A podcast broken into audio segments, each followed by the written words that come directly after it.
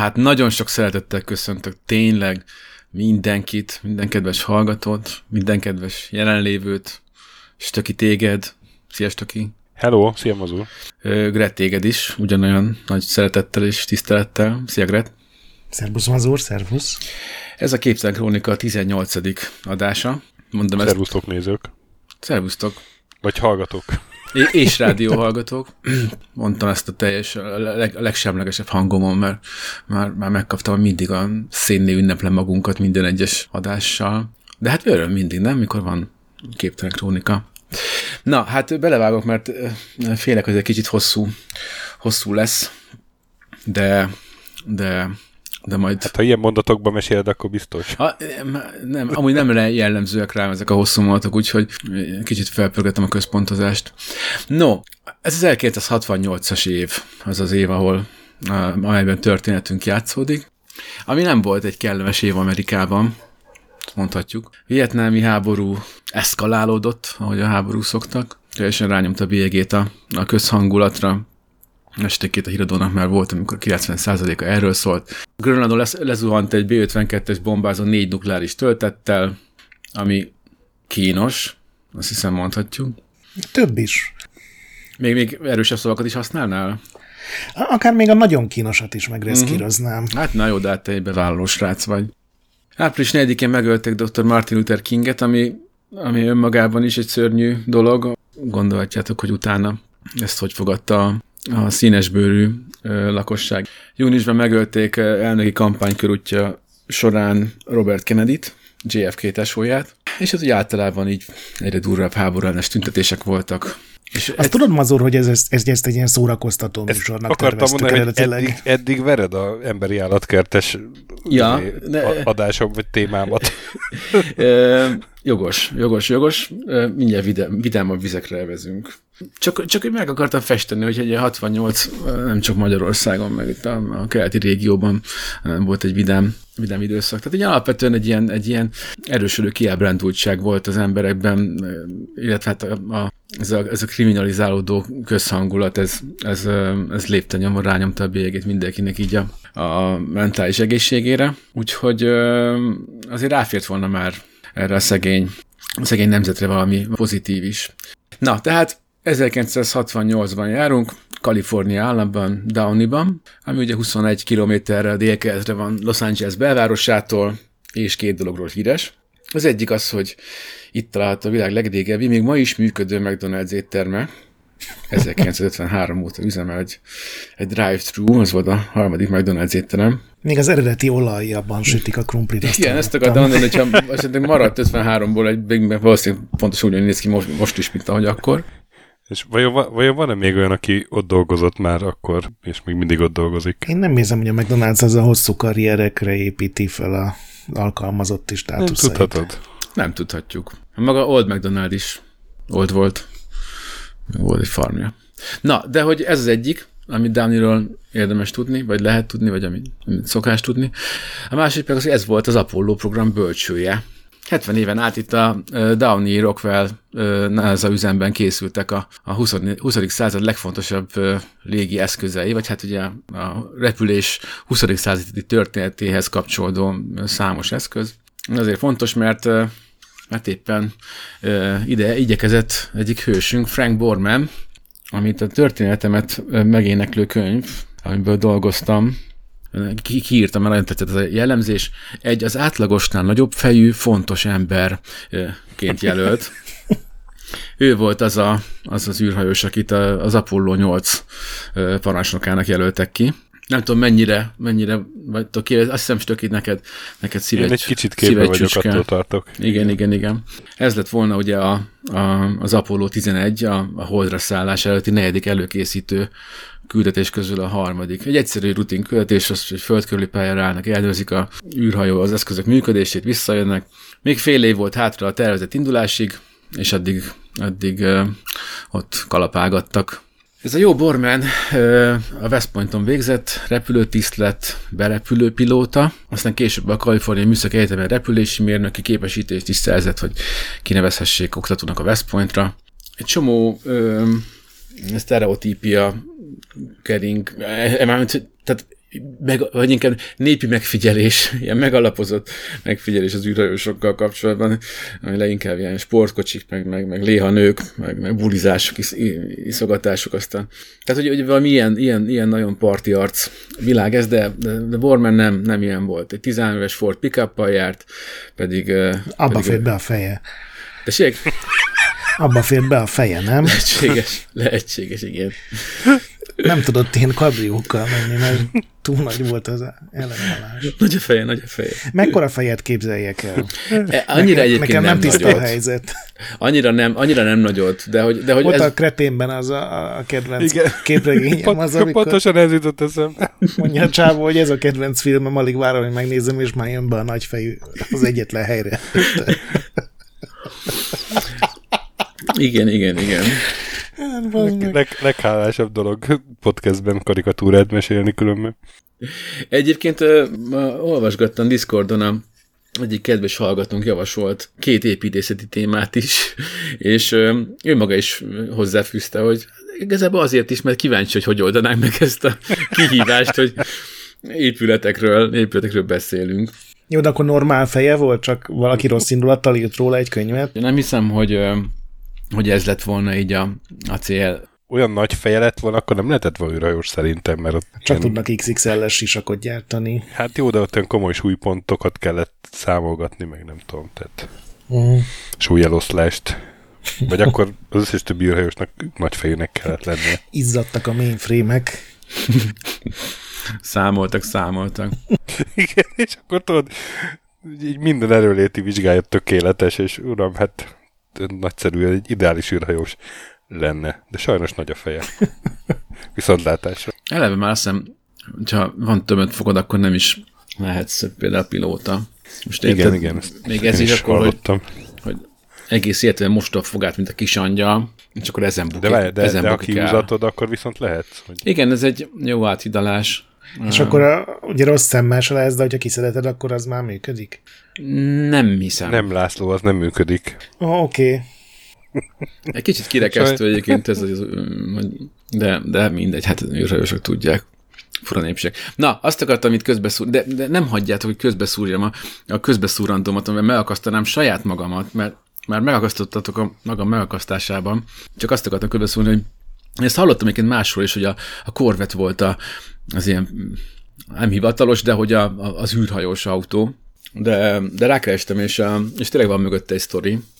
Onnan indult, hogy a, amikor Ellen Shepard, az első amerikai, aki volt az űrben és visszajött, a visszatérés után kapott egy vadi új 62-es Chevrolet Corvettet, Gagarin egyébként egy 90 eurós Matra Jetet kapott a hiba, ami, ami, amiről én nem is hallottam, mert nem értek az autókhoz.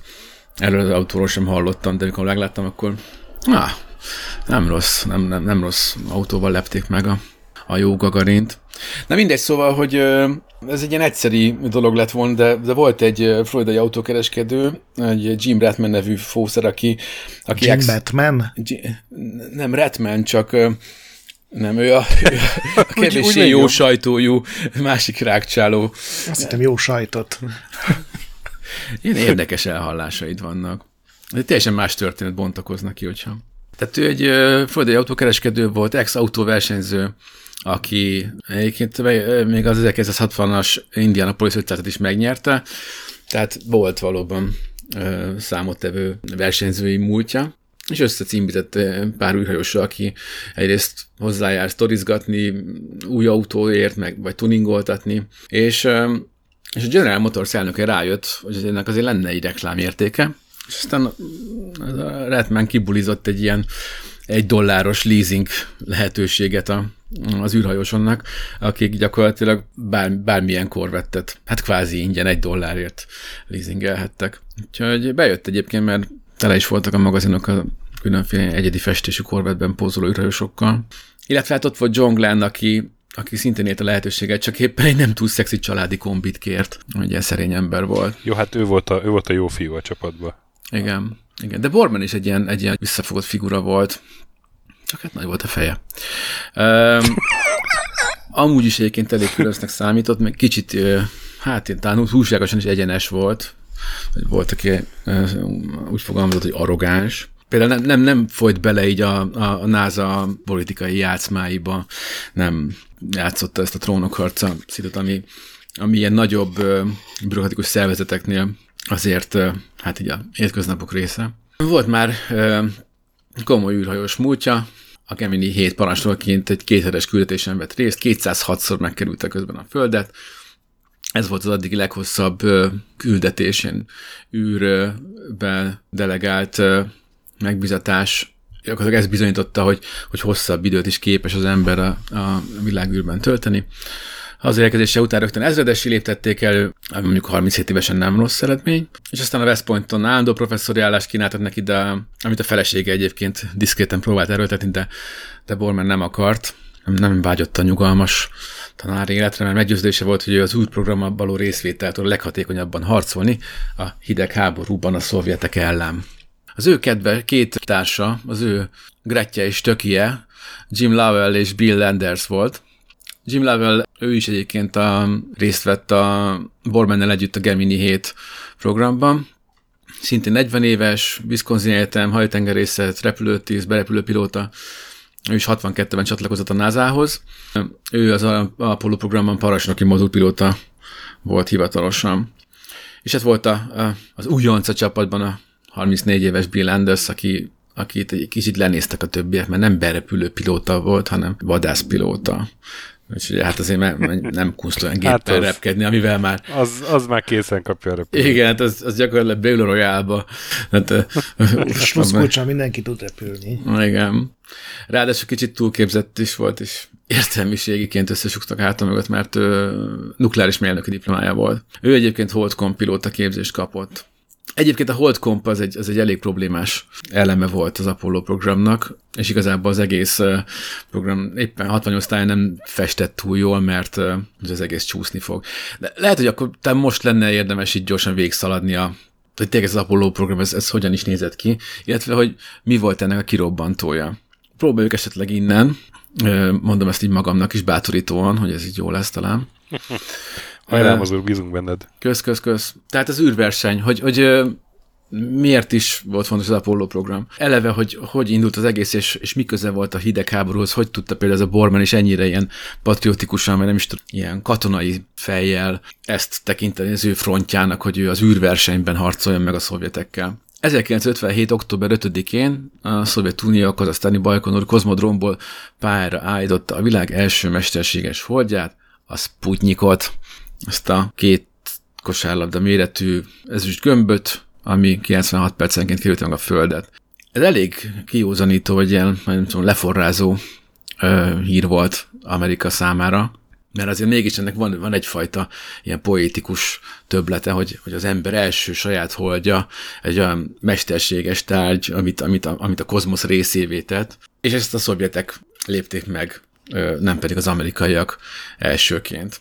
A szovjetek persze külséggel közítették a, a Sputnik frekvenciáit, hogy hallgassátok csak, és 300 másodperces fütyjeleket, bipeket, azokat bármilyen rövid hullámodóval lehetett hallani, és hát és ez egy, igen? E, hogy, és ezzel egy időben próbálkoztak az amerikaiak, a, volt az a Vanguard nevű saját Sputnikjuk, az viszont csúfosan felsült.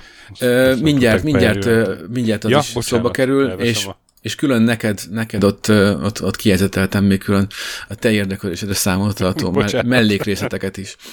Na tehát, hogy az Amerika nagyon meg, megröccent, amikor ez a hír így, így körbe rohant, mert hát azért ők magukat tekintették a világ legfejlettebb államának, és ez egyébként hát nyilván bizonyos szempontokból működött is, de hát úgy tűnt, hogy így, hogy elkényelmesedtek, vagy hogy bele, belesüppettek a, a boldog jólétbe, és hát azért az oroszokat lenézték, örökké szürke országban ilyen halkhegedű szóra, mezőgazdasági nagy gépek izé, dohogása közepette.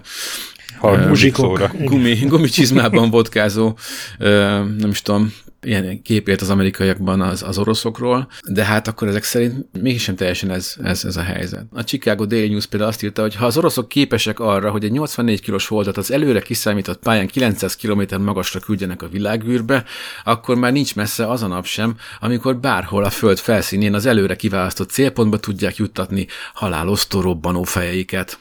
Na most a Sputnik fellövése után néhány nappal derült ki, hogy a szovjetek egyébként korábban felrobbantották már a saját fejlesztésű, és hát minden korábbinál nagyobb erejű hidrogénbombájukat, és ez a kettő hír így egymás tetején így, így aztán végképp kiborította az amerikaiakat. Lyndon Baines Johnson, texasi szenátor például azt mondta, hogy, hogy azt nyilatkozta, hogy az oroszok hamarosan bombákat szórnak ránk az űrből, mint ahogy a gyerekek kövekkel dobálják meg az autókat az autópálya felüljáróiról. És hát Tellerede, magfizikus, a tévében azt nyilatkozta, hogy ugye ezáltal, hogy a műholdat először állított pályára a Szovjetunió, azt nyilatkozta Tellerede, hogy az Egyesült Államok fontosabb csatát vesztett el most, mint Pearl Harbornál, ami az elég kemény. Az a jó, hogy senki nem reagálta túl a dolgot.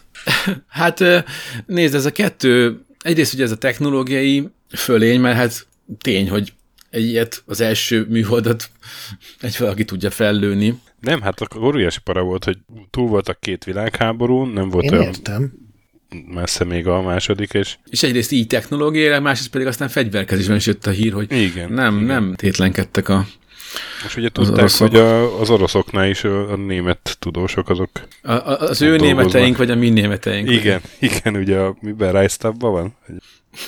Amúgy az egész űrháború és a hidegháború is, a, hát valószínűleg a, a 45-ös Hiroshima-ra és Nagasaki le, ledobott atombombák miatt tört ki. Mármint, hogy ez volt így a, a fő katalizátora, vagy ez volt az, a, ami, ami becsípődött Stalinnál. Na, szóval, hogy ö, 14 nappal Hiroshima után Stalin már rendelt és adott ki a szovjetek saját nukleáris fegyverének fejlesztésére, és aztán ö, 46-ban már volt olyan egyértelmű nyilatkozata, ami, amivel ugye korábban mégis szövetségesek voltak a, a nácik ellen a szövetségesként jelent meg ugye a Szovjetunió és az Egyesült Államok, de, de 46-ban már volt olyan megnyilvánulása a Sztálnak, hogy igazából a kapitalizmus volt a felelős a második világháborúért. És aztán ki- 49-ben ö, ki is próbálták az első atombombájukat, három éve hamarabb, mint, mint hogy a, a, az USA szakértői ezt azt satszolták. És hát 49, ugye minden már tényleg itt vagyunk az 50-es években, és, és a, ez a Fallout hangulatú oktatófilmeket lehet magatok elé képzelni, hogy mik mentek a, az iskolában, milyen rajzos oktatófilmek, a, mi, a teendő esetleges atomtámadás esetén, és ez így teljesen meghatározta az atomhisztéria az amerikai átlagpolgároknak így a, ez, ez, volt, ez volt a legfőbb parázni valójuk. Gyakorlatilag mindenki ö, raktározott, meg, meg, meg kert végében óvóhelyeket épített, stb. Úgyhogy azért volt, volt ilyen, egy ilyen lenyomott félelem, amire aztán rá tudott épülni, vagy e, e- emiatt tudott aztán igazán nagyot ütni a, a Sputnikról szóló hír, meg aztán ugye a, a hidrogénbomba híre. Bár a legtöbb emberben azért, hogy valószínűleg a, ha nukleáris bombák kezdenének hullani, azokat azokat, mint a Japán ellen bevetett B-29-es Super Fortress, ilyen óriás bombázókkal juttatják célba, vagy a B-29-esnek az utódjával, ezzel a, a B-52 Stratofortress-szel. De hát a katonai technikákban, technológiákban kicsit is jártasabbak, azok tudták, hogy nem, hanem a megoldás az a rakéta. És hát ugye itt a kapcsolat a hidegháború és, a, és az űrverseny között. Mármint az egyik ilyen legkézenfekvőbb. Mert ugye 44-ben ez volt a nácik szuperfegyver, a, a V2-es ö, rakéták, ami hát ugye túl későn is jött, meg még volt fejlődni, vagy lett volna fejlődni valója, 300 km volt a hatótávolsága, de hát 10 évvel később már tudható volt, hogy, már az óceán átrepülésére képes hordozókon dolgozott mind a két ország. És hát egy ilyen állított a pályára a Sputnikot. Tehát ennek is kimondatlanul így volt, egy ilyen üzenete is, hogy rakétával, ami a, a Sputnikot a egy rakét, egy, egy rakétával, egy mindegy mi a rakét. A 57. november 3-án fellőtték a Sputnik 2-t Lajka kutyával, megtudtam, hogy a Lajka az ugatóst jelent, tehát egy, ez egy ilyen beszélő név, vagy ugató név. És hát néhány nap alatt kiderült, hogy nem úgy tervezték meg a rendszert, hogy ez a szegény kutyus vissza is tudjon jönni, ami hát egy meg só volt a sebbe, mert, mert egyrészt ugye, még egy jele volt a, a szovjet tudományos vagy technológiai fejlődésnek, másrészt meg egy jó illusztrációja is volt, hogy na, akkor mire számít? Mennyi jó indulatra számíthatunk a kommunistáktól?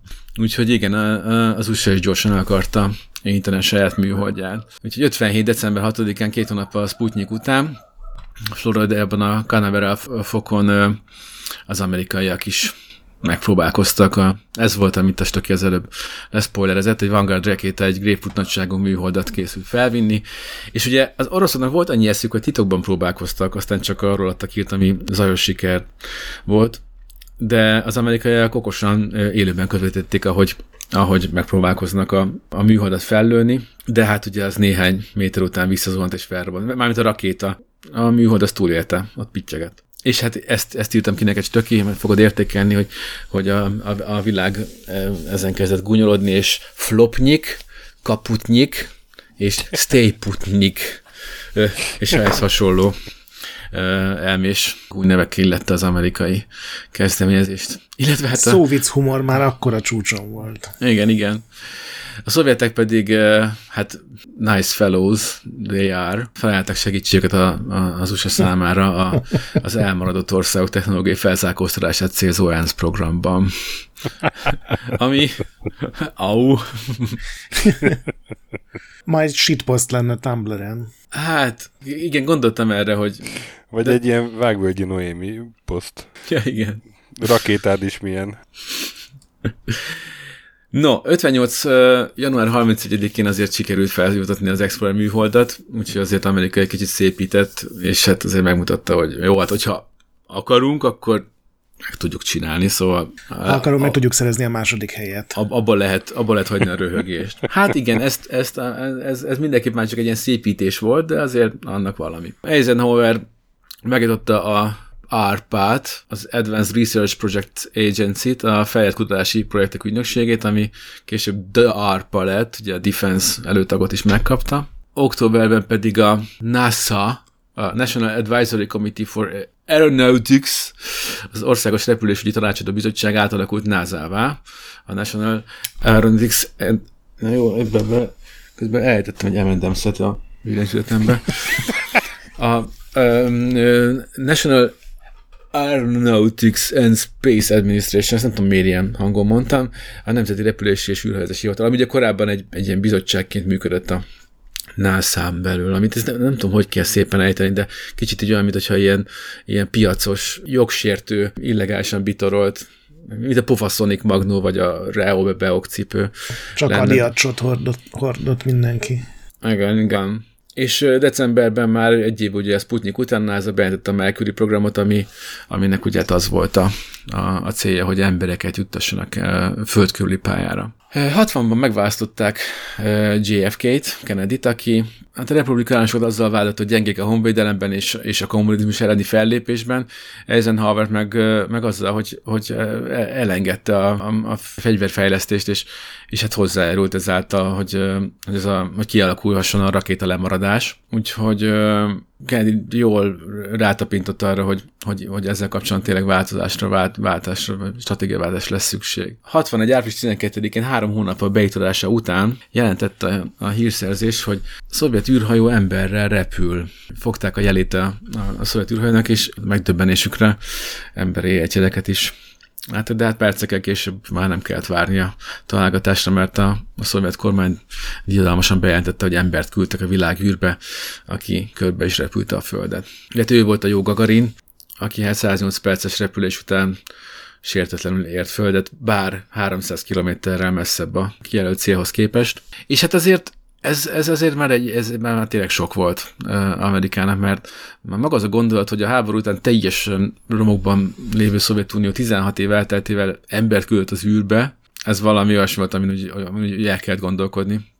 És mondjuk más megfordítva a dolgot, hogyha mondjuk a Szovjetunióra gondolunk, akkor nem csoda, hogy, hogy a Gagarin képét, azt nénik bácsik szentkép helyett rakták ki otthon a, a nagyszobában, meg hogy amikor visszatért Gagan, akkor az utcán sírtak az emberek, és hogy a vörös téren mekkora díszemlével köszöntötték. Tehát ez nagyon-nagyon sokat számított a, a Szovjetuniónak is. Hát nyilván kalappálták is ezt, uh, kiosztott belőle mindent, amit, amit csak lehetett Hát Ruscsov nem a visszafogottságáról volt híres sosem, tehát ő ennek a kommunikációjának leszakajtotta a, a virág, virágát. Nem járult hozzá a jó hangulathoz az sem, hogy néhány nappal később a, volt ez a bizonyos disznóöböl, incidens, amikor a CIA által kiképzett kubai menekültek megtámadták a Szovjetunió, a szovjetek által támogatott kubai rezsimet, de hát de kudarcot vallottak és ugye ez nem tett jó sem az ország, sem, sem Kennedy hírnevének, aki jóvá hagyta a, az akciót, de aztán visszakozott,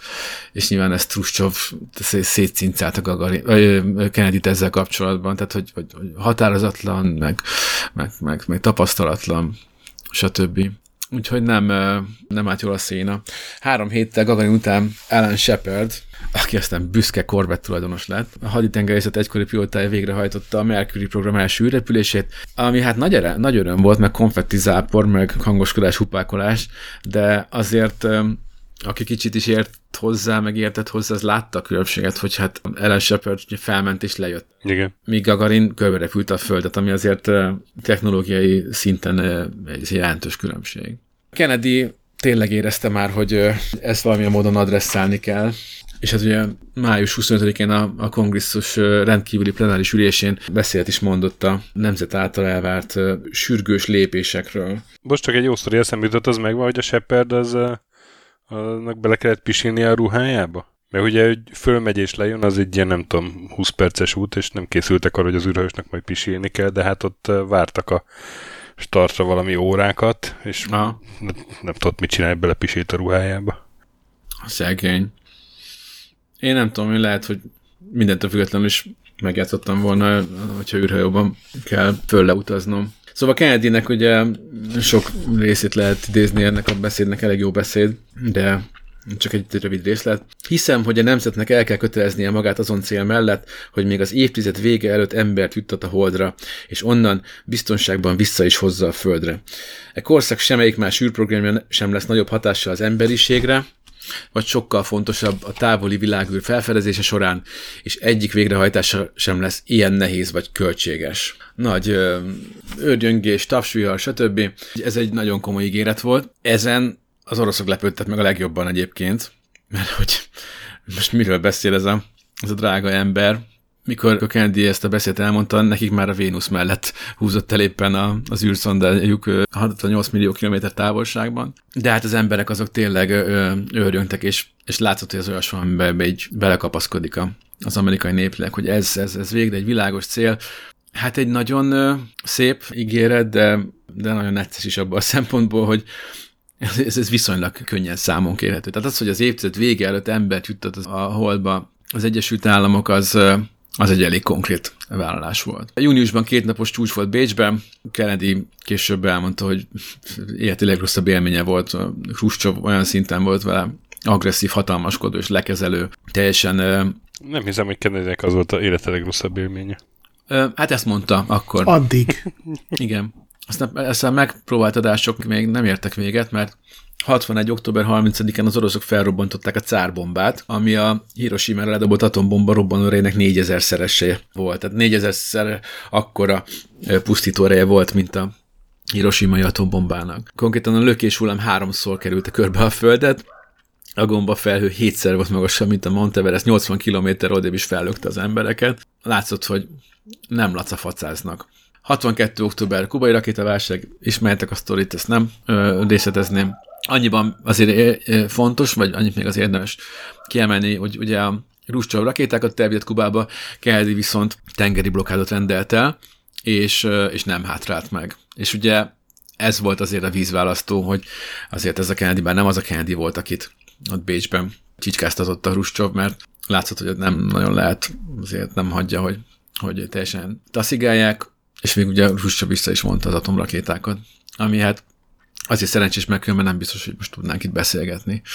Lehet, hogy ilyen, ilyen patkányi konzerveken veszekednénk a nukleáris télben. 60 novemberében Kedi megnézte a Floridai központban a Saturn 5 rakétát, Werner von Braunnal, a tervezővel. Érdekes németes csengésű neve van. És hát úgy tűnt, hogy ebből még, még lesz is valami, de hát hat nappal később megölték Kennedy-t. És igen, ahogy mondod, vagy ahogy sugárosítok ki, valószínűleg ez volt inkább az ő legkellemetlenebb élménye. Az új elnök szerencsére kitartott Kennedy programja és határideje mellett, úgyhogy elindult a Gemini program, ami az Apollo programmal használt eszközök tökéletesítését célozta, és igazából ez volt az a az időszak, amikor fel tudott zárkozni Amerika az űrversenyben. Ezt 66 végére már, már az oroszok is, is érezték, és hát úgy tűnt, minden tekintetben nyerekbe került Amerika, de hát jött az Apollo 1, vagy hát jött volna, de egy hónappal a fellövés előtt három űrhajós bennégett a pilóta fülkében. De az, hogy rögtön az Apollo 1 ezzel a tragédiával induljon, ez, ez egy nagyon-nagyon durva megcsúszás volt az amerikaiaknak. Még, még a földön tesztelték a, a kabint, és három űrhajós benne égett. Már nem jöttek rá, hogy pontosan mi volt a kiváltók, valószínűleg valami elektromos szikra, de több ok is, vagy több ö, olyan tényező is, is sikerült azonosítani, ami valószínűleg ezt megkönnyítették, vagy, vagy azért vezettek ehhez a balesethez. Mindenket az, hogy ne, nem terveztek olyat, hogy az űrhajósok belülről kinyithassák a kabint. Hát illetve belül, a, egy dupla ajtaja volt a kabinnak, és a belső ajtó az befele nyílt, és egyébként a, a legbivajabb űrhajós ezt megoldotta, volt egy speciális szerszám, amivel ugye a, a, a feje fölött átnyúlva ilyen 50 kilós erőt kifejtve tudta megnyitni nyitni a, a, az ajtót, de hát mikor, mikor ugye, igen, csak azt nem mondtam, hogy a nagy nyomáson lévő tiszta oxigén légkör volt a kabinban, és, és nem számoltak a tűzveszélyes anyagokkal, a tömítő, a habszivacsokkal, a hűtőfolyadékokkal, amik ugye tiszta oxigénben még hevesebben égnek. Amikor kitört a tűz, akkor forró levegő gyakorlatilag egy másfél tonnás nyomást helyezett az ajtóra, yeah. és hát így már nyilván esélye nem volt ennek a szerencsétlen űrhajósnak, hogy, hogy ezzel szemben izomból be, be, befelé nyissa. Hat perc alatt jutottak be a oda rohanó mentők, technikusok a kabinba, de hát addigra megfulladtak az űrhajósok. Tehát egy szörnyű tragédia volt. Jó, hát akkor, akkor szaladjunk végig gyorsan a, hogy akkor hogyan is nézett ki a, a, az Apollo program. Ugye ez lett volna a, a, az Apollo 1. Furcsa, hogy nem nevezték át utána egyébként. Hát ez, ez már valószínűleg a Candy-re való tekintettel, vagy emlékének tisztelete miatt sem, gondolom. Miért nevezte el? Hát nem, de már ugye ő volt az atya, a, vagy hát a, nem is tudom az atya, de... Elrendelője. Hát igen. Nélkül nem született volna meg a, a, az Apollo program. Egyébként igazad van, tehát ez biztos, hogy, hogy, hogy rosszul csenged, de, de hát így, így döntöttek. A Apollo 2, Apollo 3 elmaradt, és hát alapvetően ugye az Apollo program minden későbbi állomása azt célozta, ugye az volt a, az volt a feladat, hogy hogy teszteljék majd a, azokat a technológiákat, amik a holdra szálláshoz szükségesek. A parancsnoki egységet, ugye azt a, azt a részét a, az űrhajónak, ahol ül a legénység, a műszaki egységet, a szervizmodult, ami ugye a, a hajó rendszereit összesítés, és magát a holdkompot. Az volt a terv, hogy gyakorlatilag ugye az Apollo 7 majd uh, alacsony földküli pályán tesztel ezeket, még holdkom nélkül, majd 68. szeptember-októberében az Apollo 8 alsó földkörüli pályán már holdkompal, 68 végén, az Apollo 9 magas földkörüli pályán, 69 februárjában, az Apollo 10 holdkörüli pályán, 69 közepén, ugye a tervek szerint, és hát 69 végére lett volna időzítve maga a holdra szállás, amikor mindezeket együtt próbálták volna ki, vagyis hát ugye az már, az már maga az éles bevetése. De ezt nagyjából követték is, nem? Nagyjából, és ha nem nagyjából lenne, akkor nem is választottam volna ezt a témát, mert mindjárt, ja. mindjárt oda is eljutunk, hogy mi volt Várom itt a, a nagy... nagyfejű embert. Mikor hogy a nagyfejű, ember, nagyfejű embernek mi volt itt a, a szerepe? El is felejtettem, hogy vele kezdtük, hogy hát. pöfékel a kis izében 16 éves kocsijával. Igen, ez egy picit hosszú közbevetés volt ez a két, két téma. Hint a székében a tornácon. Közben erősen kapaszkodik persze. és az autós moziban kisebb. Nagyon mindegy. Tehát, igen, tehát 68-ban nem állt jól a, a, az Apollo program, és, és a legnagyobb problémát azt a holdkomp okozta, ami valahogy az Istenek sem akart összeállni. Nem nagyon volt mit tenni. Az Apollo 8 tervezett legénysége tekergette, kapcsolgatta a, a többi elemét a, a már tesztelhető, próbálható eszközöknek, hát egész pontosan a, a műszaki egységnek. És éppen ezen a parancsnok ajon dolgoztak ez a három remek ember, amikor, amikor egy bizonyos Donald Kent Dick Slayton hívta Borment, hogy azonnal akkor Houstonba kéne menni. Ő a Merkuri heteknek volt az egyik tagja. Aki, ő jelölte ki a heteket. Ő, ő, ő volt a, az űrhajósok kiképzésének a, a, az irányítója. Ő határozta meg, hogy melyik, melyik költésre ki lesz a legénység. De nem, is, nem az volt, hogy ki is választották a, a Merkuri szemembe? Azt rosszul emlékszem? Simán lehet, hogy te emlékszel jól. Gyorsan, gyorsan nézzük meg. Annyira emlékszem a nevére. Hát ő egy, ő egy ilyen legendás alakja volt a, a NASA-nak, Dick Slate. Na, igen, űrhajós is volt. Te abszolút jól emlékszel. Igen, igen, ő volt, ő volt az, aki tagja volt a Mercury 7 de aztán ilyen kisebb egészségügyi problémái voltak, azt hiszem. És aztán inkább ilyen főnök lett. Az eredeti hetek, az eredeti görög hetek. Igen. McDonald'sban. A fő... Merkur- Mercury, Mercury hetek a McDonald'sba. Igen. Gyerekmenübe hold komp. A, Mercury 7 kijelölt pilótája volt. És ahogy mondod, az ellenőrző orvos vizsgálat pitvar fibrillációt jelzett, és ezért eltiltották a repüléstől, és ezért lett ő a NASA repülő személyzeteinek a... Ja, őt megjegyeztem, mert ilyen trajkus sztoria volt, hogy szegény nem mehetett aztán a holdra, pedig nagyon akart. Igen, viszont, viszont ő egy ilyen nagyon központi... Ez elég sok óvodással is megtörtént, nem mondanám ezt ilyen kiugróan tragikus történetnek. Tehát velem például volt ilyen. És egyelőre még én sem mentem a holdra. Szomorúan hallom. De egy like, egy ima. Én azt mondanám kedves hallgatóknak, hogy én, én nyomok like egy a részvét, részét. Egy effet? Egy affet. Ja, Istenem, tehát Bormának nem, nem voltak jó emlékei a, arról, amikor őt így, így esővel hívják Houstonba. Ja, és a történetnek egy gyönyörű eleme ez, hogy, hogy ugye a NASA különböző egységei azért jelentős távolságra vannak, voltak az országban, és gyakorlatilag ilyenkor folyamatosan elszaladtak egy bérelt kocsival a, vagy ami közeli a hangárba, reptérre, és bepattantak egy szuperszonikus gépbe, és ezek így átsutyantak. Például Houston ugye 1500 mérföldre van keleten, uh-huh. Texas, Texas keleti részén, autóval 23 óra, megnéztem, közvetlen repülőre járt a 3 óra, de hát nyilván, hogyha csak egy 20 percet kell menned a Lossiba, és aztán bepattansz egy kétüléses sikerhajtóműves T-38 talomba, akkor azért az, az egy más életérzés. És állandóan ezzel, ezzel ezekkel a talonokkal rep, repkedtek a, ezek a jó pilóták. Na, szóval, hogy azért ment rossz érzéssel Borman, mert, mert ugye a legutóbbi ilyen a sívás az az Apollo egy katasztrófa napján volt, amikor oda rendelték őt, mert hogy kijelölték a vizsgálóbizottság tagjának, őt az egyetlen űrhajóst, ami mondjuk azt is jelentette, hogy gyakorlatilag őt tartották legjobbnak a csapatban. Hát Borman gyakorlatilag két hónapon átült a kiégett űrhajóban, kereste a hibákat, meg próbálta hogy rekonstruálni, hogy milyen design hiba, vagy milyen rossz konstrukció vezethetett a, a katasztrófához. Aztán 67 áprilisában, amikor volt a kongresszusi grillezés, amikor így elég keményen bekérdeztek neki is, meg hogy hát az egész stábnak volt, aki úgy ítélte, hogy gyakorlatilag Borman mentette meg a názát, mert vagy ő tudta egy lehiggasztani így a, így a kedélyeket, hogy konkrétan a fejezzük be a boszorkányozást, és lépjünk tovább. Ez, ez volt az ő zárása, mert tehát ő azt mondta, hogy hisz a csapatban, és hisz abban, hogy, hogy képesek felemelkedni ezen a hibán, és hogy igazából ez a kérdés, hogy, a, ugye, hogy Washington tud-e hinni bennük, mert ha igen, akkor, akkor tényleg akkor haladjunk, ha nem, akkor meg igazából. Hát ezek voltak azok az ilyen politikai játszmái a, a Washingtonnak és a NASA-nak, amiket hát ki jobban, ki kevésbé ö, belement. Úgyhogy felkérték, hogy irányítsa a parancsnói kabint újra tervező csoportot, ezt el is fogadta. Ezen dolgoztak ezerrel.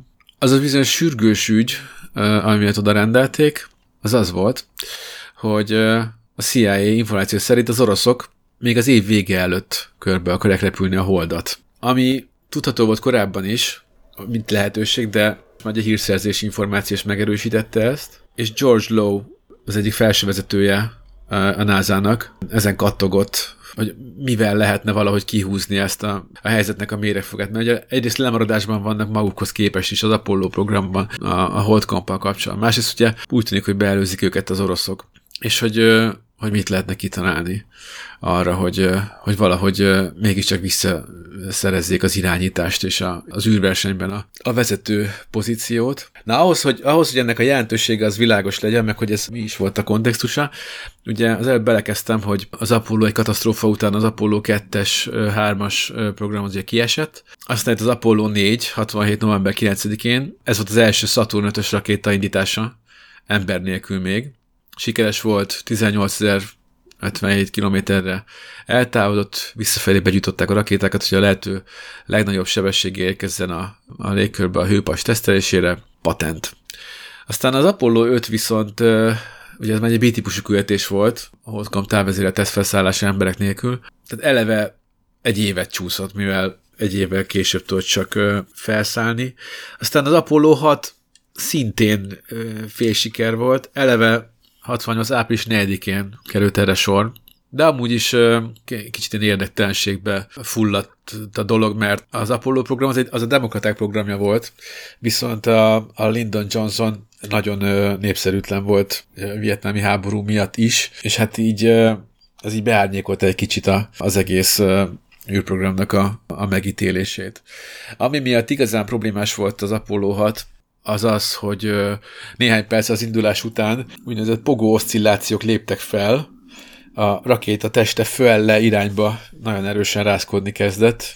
Ezt így szemléltetném is, hogyha egy helységben ülnénk, de félek, hogy az tök ilyen éretlenül nevetgélne, hogyha úgyhogy, úgyhogy csak képzeljétek el. Tehát, de ez csak az egyik, tehát hogy, hogy az egy dolog, hogy rázkodni kezdett a, a, a rakéta, de hogy az első fokozat öt hajtóműjéből kettő idő előtt leállt, pálya emiatt eltért a tervezettől, a visszatéréskor pedig nem sikerült a, a holdi visszatérés sebességét elérni, úgyhogy nem tudták a, a, a hővédő pajzsot tesztelni. A New York Times is azt írta, hogy, hogy inkább a lassat, de biztosan módszert kéne követni. Tehát a bármilyen, be, akár.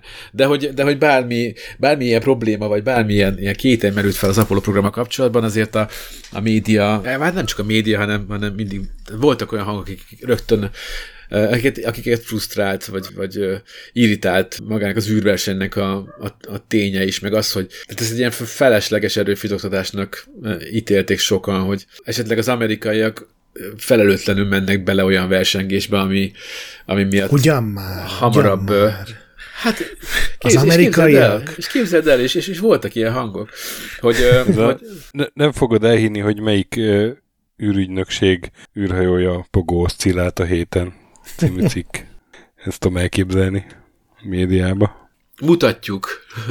Mutatjuk, igen. Pogó aladár. Bocsánat. Uh, igen. Az Apollo 7, uh, ja, ott még nem tartunk, az, az még várat ma magára. Tehát uh, pont az Apollo 6 fellövése napján megtudták a, a, az amerikaiak, a hírszerzés megtudta, hogy a, a szovjetek is megpróbálják körberepülni a holdat, talán már 1968-ban, és ugye hát a terv szerint ez leghamarabb 1969 közepén lett volna esedékes, a, amikor az Apollo 10 ugye a holdra szállás előtti utolsó főpróbaként már úgy tesztelte volna az eszközöket, hogy, hogy körberepüli a holdat. És, és hát ugye nyilván ez, ez nagyon csípte sokaknak a szemét. Eleve ugye az, az a tény, hogy veszélyben volt a program, és egyáltalán sem volt biztos, hogy sikerült tartani az ütemtervet, és az meg aztán végképp, hogyha beelőznek az oroszok, vagy beelőzik őket az oroszok, akkor gyakorlatilag már meg van válaszolva az eljuthatunk-e a, a holdig kérdés. És akkor itt jön képbe a, a George Lowe, aki hát standolás közben kitalálta ezt. Ugye valami abban reménykedett, hogy amikor uh, azzal rángatták oda SOS Houstonba, hogy mi lenne, ha inkább nem a Földet, hanem a Holdat kerülnék meg, majd ugye a Apollo 8 program, akkor fú, hát ez nagyon meredek, mert ezért, ezért ilyen változtatást a NASA az nem szokott ennyire eltérni a, a tervektől, meg ugye mindig a fokozatos építkezés elvét követték, a, ugye mindig a következő küldetésnek az előzőnek az eredményeire kellett épülnie, de hogy biztos tud, tudják, hogy miről beszélnek, biztos kiszámolták már ezt. Na, és akkor erre, erre a valóság az az volt, hogy ez a bizonyos George Lowe ezt a strandon találta ki. És igazából egy, egy, egy elegáns megoldás volt. Ő azt találta ki, hogy mivel a parancsnoki egység és a műszaki egység rendben van, hagyják itt a holdkompot. És akkor így átugorva a következő két Apollo követést, egyből a holdhoz lehet repülni, hogyha nem kell bénázni a, a holdkompal. Persze ez egyszerűnek hangzik, de nem az. Ugye 1374 kilométernél messze még nem járt ember a Földtől, és a ló pedig azért egy 400 kilométeres távot lőtt volna be, fél évvel a tervezett határidő előtt. Plusz ugye felrúgják a, az eredményekre építkező stratégiát, ugye ezt a küldetések egymás utániságát, de azért úgy csábító volt, hogy, hogy egyrészt a, a Holdkop elhúzódó gyártási paráját is kiküszöböljék, és, a, és hogy beelőzzék az oroszokat is. Tehát ez egy ilyen dupla vonzerőt adott a, a projektnek. A George Lowe mikor felvillanozva hazaért ezzel a remek ötletével, akkor felőszette a legmagasabb rangú, meg legmagasabb képesítésű mérnököket és szakértőket, nyilván akivel ilyen bizalmasan tudta felvetni egyáltalán az ötletet. Christopher Columbus Kraft volt az, aki egyik legfontosabb ember volt, és akinek a legfontosabb volt ezzel kapcsolatban a, a szava, aki nagyon adott a, a, a low. Ez nem, mint valami steampunk karakter neve. Igen. Ő a NASA repülési igazgatója volt, aki, aki még a, a NASA-nál kezdett, és mondta, hogy hát persze, ez tényleg, tényleg szipi de hogy azért van egy pár probléma, tehát hogy irányító központot fölkészíteni, pálya, kiszámolás, navigáció, kommunikációs hálózat, űrhajósok, repülésirányító kiképzése, szoftvereket írni, kalibrálni, illetve hát nincs rendszer, ami megtalálja és kimenti az óceán közepére visszaérkező űrhajósokat. Ez is még, még okozhat gondot. Viszont a, a két legnagyobb gond, amit a Kraft megnevezett, az az, hogy csak a Saturn 5 jöhet szóba, hogyha embereket is kell szállítani, de az még nem repült űrhajósokkal a fedélzeten. Kétszer kipróbálták, legutóbb ugye áprilisban az Apollo 6 küldetése során, de hát nem muzsikált túl meggyőzően. És hát fél éven belül nem lesz lehetőség arra, hogy, hogy még egy tesztet beiktassanak a, a saturn nek Illetve a másik probléma az az, hogy ha itt adják a holdkompot, akkor tehát a holdkomp azért egy mentőcsónak is az űrhajósoknak, a holdkomp hajtóműve, gyakorlatilag tartalék is. Hogyha, hogyha anélkül repülnek, akkor bármilyen meghívás azt jelenteti, hogy hogy becsapódnak a hold felszínébe, vagy, vagy nem tudnak kitörni a hold körüli pályáról, vagy akár átlendülnek nap körüli pályáról. Egyik, egy, egyik sem eh, vonzó. Minden esetre egy nap gondolkodási időt kért a Kraft, beszélt néhány szakértővel, másnap azzal ment vissza, hogy hát végül is elképzelhető, de akkor már ne csak annyi legyen a mutatvány, repülnek a holdik és vissza, nem álljanak hold körüli pályára. És hát akkor a George Lowe majdnem leesett a székbe, mert ha valamire, akkor arra nem számított, hogy a, azzal fog visszatérni a Kraft, hogy jó, jó, csináljuk, de akkor legyen már durvább a, a kihívás. Minden esetre azért nem mindegy ez, meg azért ez, ez egy minőségi különbség, mert ugye a, a, a ló ötlete igazából annyi volt, amire a szovjetek is készültek, készülhettek, megcélozni a holdat, és ugye ha jók a számítások, akkor hogyha minden jól megy, akkor nem is kell hajtóműket beindítani, meg pályászámításokat végezni, csak jól megcélozva a holdat, hogyha elkapja annak a gravitációs mezeje, akkor körbeleníti, és a hold túlsó oldala körül visszafelé, a, a föld felé löki. Gyakorlatilag egy nyolcas kell csak csinálni.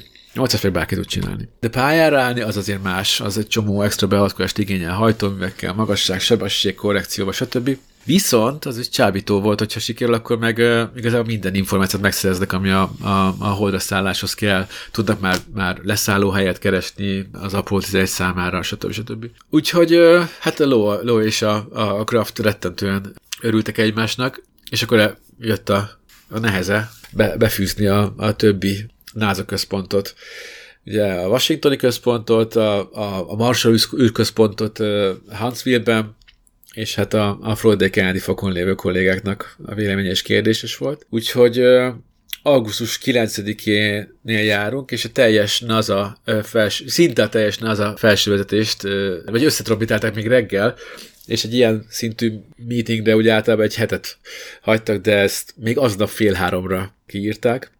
Úgyhogy gondolom, csak úgy csattantak a sluszkulcsok a szuperszonikus gépekben. Igazából a, a főigazgató James E. Webb uh, hiány ott volt mindenki, a, a teljes aranycsapat a NASA-nak. Például Werner von Braun, rakétatervező, a Marshall űrközpont igazgatója, aki hát mondjuk ki, hogy még, még Hitler V2-esein kezdte a szakmát, de oroszlán része volt a, a V2-es rakéták kidolgozásában. A főigazgató még Bécsben volt egy konferencián, de úgy ítélték, hogy talán nem is baj, ha most ő nincs itt.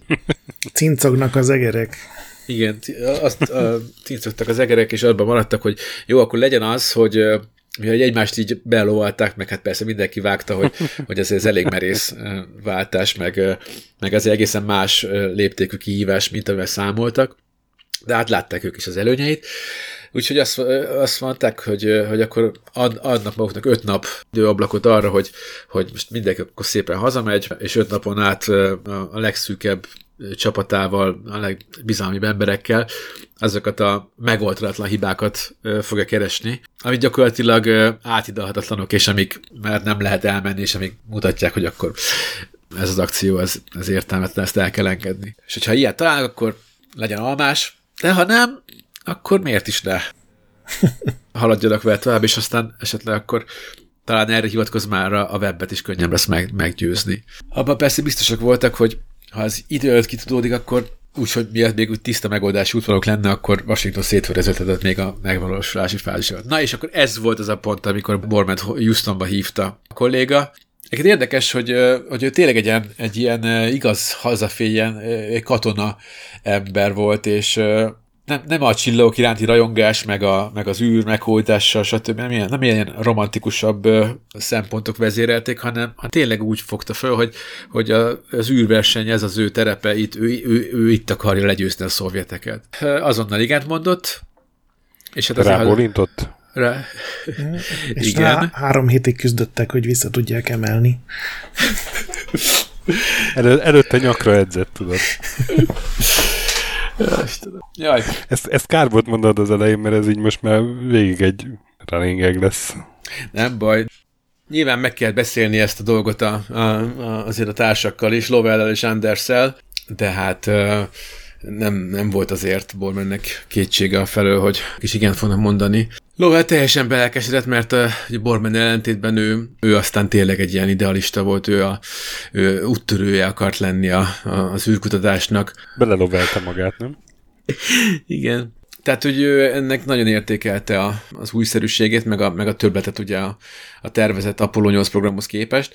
A Bill Anders már kicsit máshogy látta a helyzet, mert ugye őt Holdcom pilótának képezték ki, és az éppenséggel nem volt ebben a küldetésben, mert Holdcomp, úgyhogy gyakorlatilag elúszni látta a reményt, hogy ő vala és a Holdra léphet, meg hát megy a levesbe a, a Holdcomp pilóta kiképzése. Hazatérve elújságolták a feleségeiknek, ez is sokat elárul a karakterekről, hogy ugye Borman boldogan újságolta, aki ugye próbált uh, együtt örülni a férjével, de belül teljesen összeroppant. Valószínűleg azért is, mert az Apollo egy tragédiában oda veszett egyik űrhajós, Edward White felesége, Pat White jó barátnője volt Susannek, és uh, gyakorlatilag a, a baleset óta ilyen napi szinten próbálta tartani benne a lelket megélte közelről, hogy egy ilyen pilóta feleségnek, űrhajós feleségnek milyen is az, amikor aztán tényleg beüt, amiben így mindig számolnak nyilván valamilyen szinten, de, uh-huh. de aztán milyen ezt meg is élni. Bill Anders viszonylag tiszta kommunikáció híve lehetett, mert otthon úgy prezentált a dolgot, hogy hát ilyen egyharmad, egyharmad esély van arra, hogy ezt, hogy sikerre járunk, egyharmad, hogy nem járunk sikerrel, de haza tudunk jönni, és egyharmad, hogy hát nem járunk sikerrel, és nem is jövünk haza. Gondolta, hogy ez majd biztos megnyugtatja az asszonyt. Nem tudom, megnyugtatta az asszonyt. De egyébként hivatalosan polgári szervezet volt a, a NASA, de, de azért egészen világosan. Eleve ezek katonák voltak, de hogy, de hogy az egész szervezetet azért ilyen katonás mentalitás lengte be. Azért felségek tudták, hogy mire vállalkoznak. Meg az, arra is fel voltak készülve, vagy ha mondjuk éppenségen nem itt, vagy nem ezen a, vagy nem ezekben a katonai akciókban vesz részt a férjük, akkor, akkor gyakorlatilag Vietnámban is lehetne életveszélyben, ott is, ott is lehetnének pilóták, szóval... Ez legalább jobban hangzik. Az egyértelmű, igen. Lovell arra ért haza, hogy a feleségé boldogan újságoltan, hogy sikerült megvenni a karácsonyi akapulkói vakációhoz a ruhát az egész családnak, és és aztán divat bemutatót is tartott neki, aztán nem, sokáig nem volt cél megmondani, hogy nem biztos, hogy összejön az akapulkó. Nem vagyok benne biztos, hogy ilyenkor jobb az elején elmondani, vagy, vagy hagyod, hogy valaki így örüljön. Igen, és aztán minél tovább vársz, annál kínosabb már. Utána Aha. már, jaj, te erőt eszembe, Szívi, fú, de jó, hogy mondod a akapulkót. Szerintem egy szép, szépen megírt, gusztusos SMS. Lehet, igen. Miután elmegy otthonról. Mert csak pár emoji. Két évre. Mindjárt megnyúszik a tarts melegen a paprikás krumplit. Igen, tehát a következő lépés, hogy a, szorít az idő, a következő lépés az akció időpontjának kijelölése volt. Nyilván a, a, a, fold, a fold, a Föld és a Hold egymáshoz képes lehető legoptimálisabb helyzetét kellett megtalálni, azt, ami a legjobban hasonlít majd a holdra szállás paramétereihez is. Tehát nyilván ugye a távolság nem mindegy, mit kapsz meg, mint üveggolyót, és hát az is egy szempont volt, hogy ez, ez, az mindvégig azért a szemünket lebegett, hogy a holdraszállásnak a, az előkészítése is ugye pontos feladatuk. Tehát, hogy, hogy olyan, olyan időpontot kellett találni, amikor a hold megvilágítás alkalmas arra, hogy a körberepülések során tudják fotózgatni, meg felmérni a, a hold felszínt, és, és kereshetnek potenciális leszállóhelyeket az Apollo 11 számára. Ez az alkalmas, optimális helyzet, ez, ez havi egy-két nap. És Kraft és a Ló nekiült a NASA számítógépeinek, és elkezdték etetni, hogy, hogy akkor mi is lenne a, az az, az az időablak, amiben gondolkodhatnak, és akkor kijött, hogy hát december 20 vagy 21.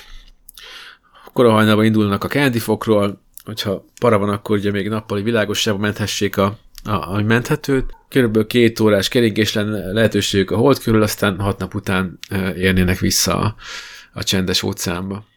És akkor Kraft akkor jött rá, hogy de hát pont épp karácsonyra esne az, amikor, amikor keringenek a hold körül, és ez, ez Isten sem fogja lemosni, hogy, hogy a NASA az ilyen hatásvadászatból alakította, pedig egyébként tényleg nem, tehát azért, mert ez dobta ki a gép. Szó szerint is, és képletesen is. Megvolt akkor, hogy, hogy nagyjából mikor lenne az indulás, vagyis hát nem is nagyjából, hanem igazából két nap pontossággal az időablak, és mindenki, ahogy, ahogy az előbb mondtam is, a felsővezetői csapatból mindenki a, ezeket a bizonyos elhárítatlan hibákat kereste. Viszont mindenki meglepetésére nem találtak ilyet. Problémát azt találtak sokat, de, de, de úgy tűnt, hogy mindenre végül is van, van lehetséges megoldás. Hát egy kellemetlen falat volt még ugye hátra a web, a NASA főigazgatója, és hát az ez egy elég meleg beszélgetésnek ígérkezett, mert a, a web kapta a savnak a legnagyobb részét a, a, az Apollo egy tragédia miatt. Ugye a kongresszus is, meg hát a sajtó is neki szegezte a kellemetlen kérdéseket. De ugye ő Bécsben volt a konferencián. Az első ötlet az volt, hogy Thomas Payne, a web egyik helyettese, és Samuel Phillips a légierő tábornoka és a, a NASA emberes űrrepülésre felelős igazgatója oda rep. Egyébként ez az emberes űrrepülés, ez nem nagyon fura ez a kifejezés. De fura, de így hívják. Igen, de hogy, de hogy olyan, olyan de érzésed van, van hogyha, ilyen, ugye valamire való űrrepülés, nem? Ilyen előtte két pálinka, utána pacal. Egy jó emberes űr, azaz. Na szóval, Ahogy hogy... a férfiak. I- igen, igen, puszta kézzel. Ilyen, ilyen székelyű repülés, nem? Atlétás. Igen. Lefejelik a izét, a kozmikus sugárzást. Szóval ez a két, két szerencsés, aki megnyerte a webnek a tájékoztatását. Először oda akartak repülni Bécsbe, de aztán bizalmas a dolog, és ugye hát pont ott voltak, a, ott voltak a szovjetek is a konferencián, úgyhogy, úgyhogy nem akarták, hogy megneszeljék. Ezért inkább a Bécsi amerikai nagykövetségem egy titkos, biztonságos vonalon ledumáltak egy, egy gyors egyeztetés, és, és ott, ott prezentálták az ötletet. És itt ugye van, van az a hallgatás, amikor így, így, így, így mondod a nagy tutit, hogy na, és, és akkor azt, és az lenne, hogy és akkor a, és, és akkor van az a nagy csönd, ugye van a túlsúly, és akkor nem tudod, hogy, hogy ugye nem tudsz így a testbeszédre hagyatkozni, és hogy, hogy most így isszák a szavaidat, most nagyon jó, jó, jó, jó nyerésbe vagy, vagy, vagy csak így a, a a, a, a legdurvább sértésen töprengéppen a, a, a másik. De hát a web az nem hagyta sokáig kétség közt őrlődni őket, és a uraim, önök teljesen megőrültek kérdést szegezte nekik a, a telefonon keresztül üvöltve. Elkezdte sorolni az elnyérveket, belovalta magát egyre jobban, és a végén már azt vágta a fejükhöz, hogy, hogy nem csak az egész Apollo programot, de a NASA sorsát is kockát teszik. Ami egyébként mégis jogos volt. Ami, ami viszont igazán kemény volt, az, a, az, az ez a mondata a webtől, hogy ha ez a három ember ott ragad, és a hold körüli pályán halnak meg, akkor soha senki, se a szerelmesek, se a költők, se senki más nem lesz képes ugyanúgy tekinteni a holdra, mint eddig. Hát ez csak karácsonykor. Tehát, hogy ö, itt több olyan dolognak is volt egy együttás, ami, amire így nem gondoltak, de de hát mostantól ezek a minden karácsonykor ez egy ilyen évforduló lenne mementó, vagy mindig így beárnyékolna, meg hát egy folyamatos emlékeztetés ugye a tragédiára. Ez olyan furcsa, hogy, és hogy pont karácsonykor, hogy ez így különben is rossz lenne, nem? Vagy, vagy nem? De, de, de, hát hogy ne, különben is rossz lenne, de úgy, hogy, hogy egy ilyen ünnepi időszakban, amikor ugye a hétköznapokból kiragadva az emberek úgy igazán rá tudnak fókuszálni, tudják követni ezt. Amikor a, a fotelben ülnek, és a két foci meccs között zabálva néznék a tévében, arra gondolsz? Hát igen, hát én, én legalábbis én látom ebben a logikát, hogy, hogy pont akkor, amikor ünnepre esik az egész, nyilván, nem tudom, neked hogy te karácsony, hogy mennyire aktív pihenés, a snowboardot le, és a múzeumba be Kettőt jegyében találhatsz. De hogy én az egy karácsony második, harmadik napján már azért néha már, picit így a beiglikómában megbódulva már úgy, úgy már, már úgy bármi érdekes. Jó, nyilván ez csak egy szempont. De az, hogy mondjuk pont ezt a karácsonyi hangulatot még így durván keresztül húzza, és akkor most onnantól kezdve minden karácsony egy, egy emléknap is a tragédiára, hogyha ez rosszul sülne el.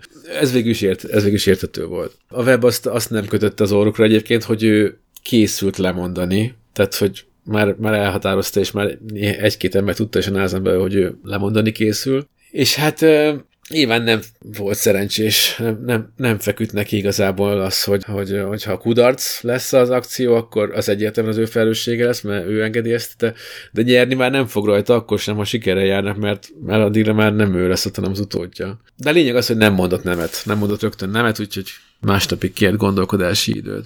Másnap, amikor újra beszéltek a webbel, akkor mégis nagy kegyesen hozzájárult, hogy, hogy kezdjék meg az előkészületeket, de csak akkor ígért végső engedélyt, hogyha Ugye a közben már esedékes Apollo 7 program sikerre zárul, és, és minden előírt feladat teljesít.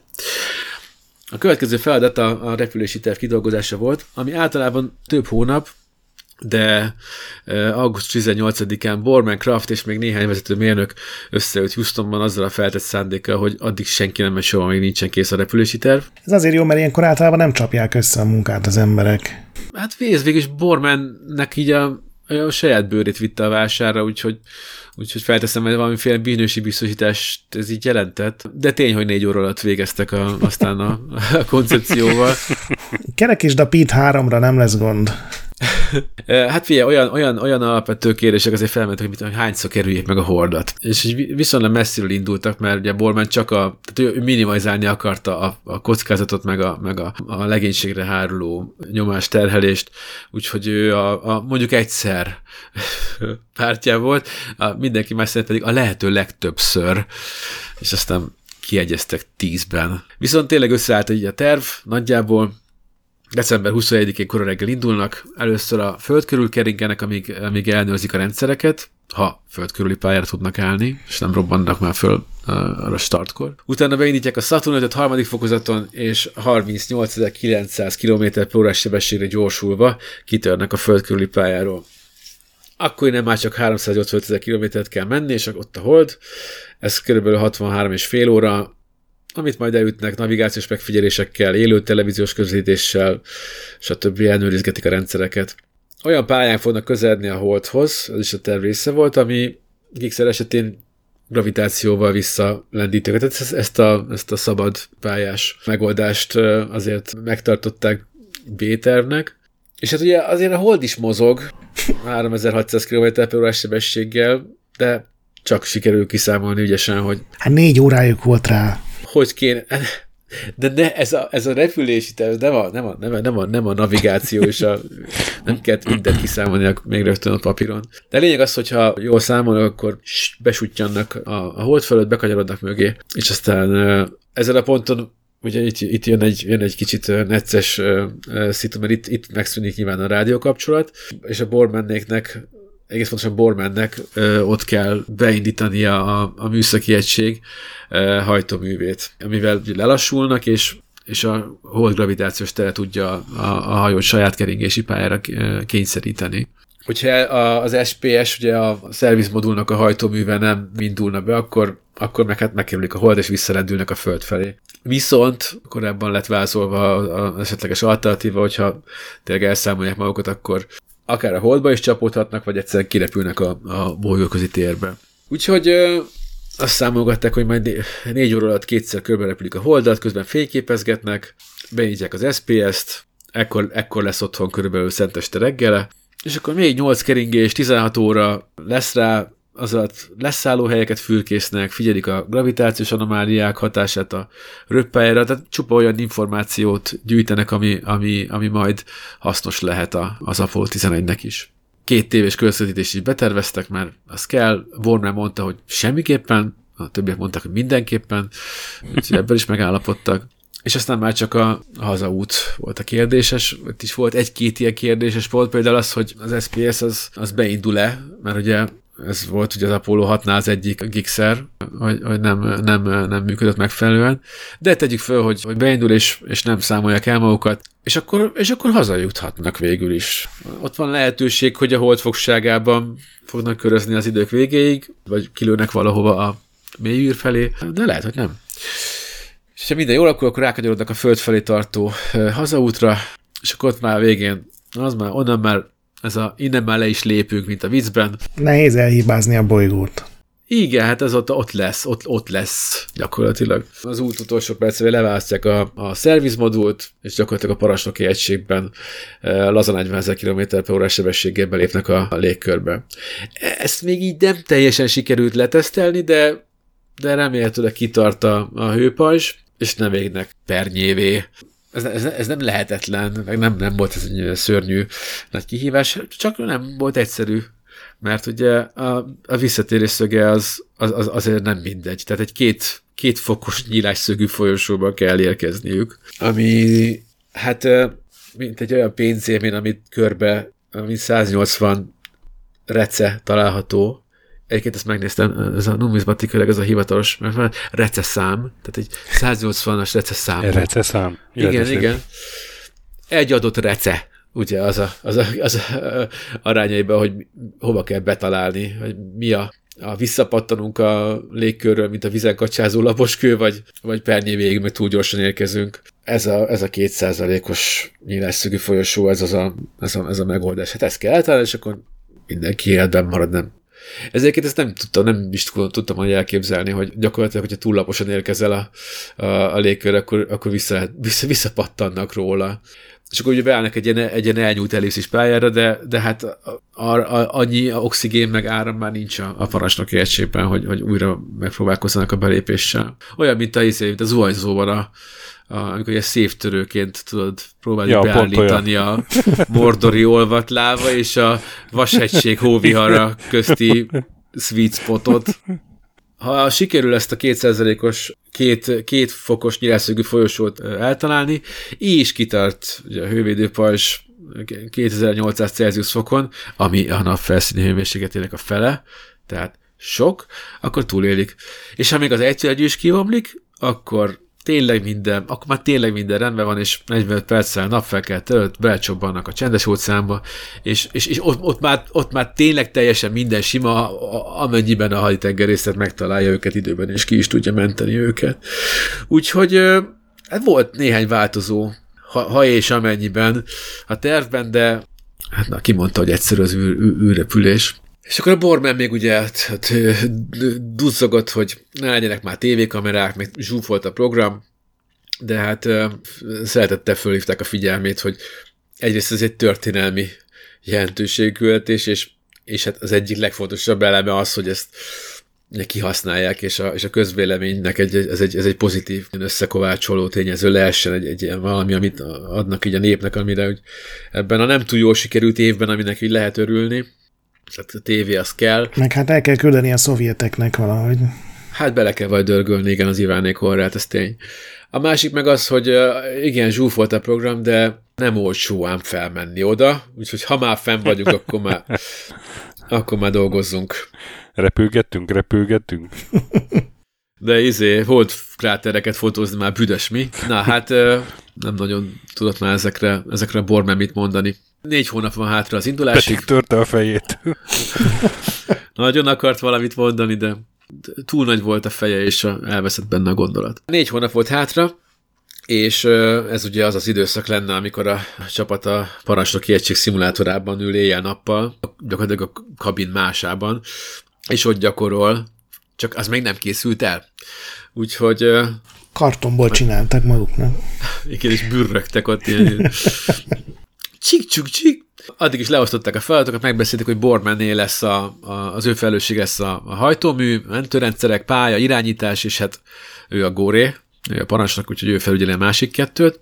A Lavel lesz a, ugye a parancsnoki egység pilótája, a navigációért felelős, ő a gépekkel és az irányítóközponttal párhuzamosan navigál, mert ha bármi probléma adódna, hogy a, a fedezeti számítógéppel, vagy kommunikációs hiba adódna a föld irányítóközponttal, akkor azért legyen már neki is papíron kiszámolva egy-két ilyen 400 méter után fordulj jobbra, vagy valami instrukció illetve az ő dolga az is, hogy figyelje a lehetséges leszállóhelyeket. Az Anders, a rendszermérnök, ő, ő, neki a legkönnyebb dolga, neki minden bizgentyűnről tudni kell, hogy mire való, minden kis kapcsolóról, meg lefentyűről, meg világítócskáról, és hát ugye az egész szervizmodulnak a teljes működését, ugye a, a, a technikát, tömörítő szervizmodulnak a működését értenie kell. Fényképez, filmez, vezeti a felizeti naplót.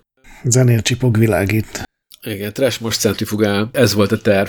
A következő az a felpörgetett, felgyorsított gyártás előkészületi fázisnak a, az összehangolása volt, ami hát nem, nem volt egy kis feladat, mert ugye a NASA magánipari alvállalkozókkal közösen gyártotta le a parancsnoki egység részeit, ezeket Kennedy fogra kellett szállítani, a Saturnra illeszteni, a Houston irányító központ ugye a visszaszámlálás és az indítási ablakhoz kapcsolatos előmunkákat végezte, a Hans William Marshall űrközpont pedig a, a rakéta manővereivel és a, és a röppájával kapcsolatos számításokat végezte. Na itt ők számolgatták keményen a sinus cosinus És hát egy csomó alvállalkozó meg egyetem segítkezett a különféle számítások elvégzésében.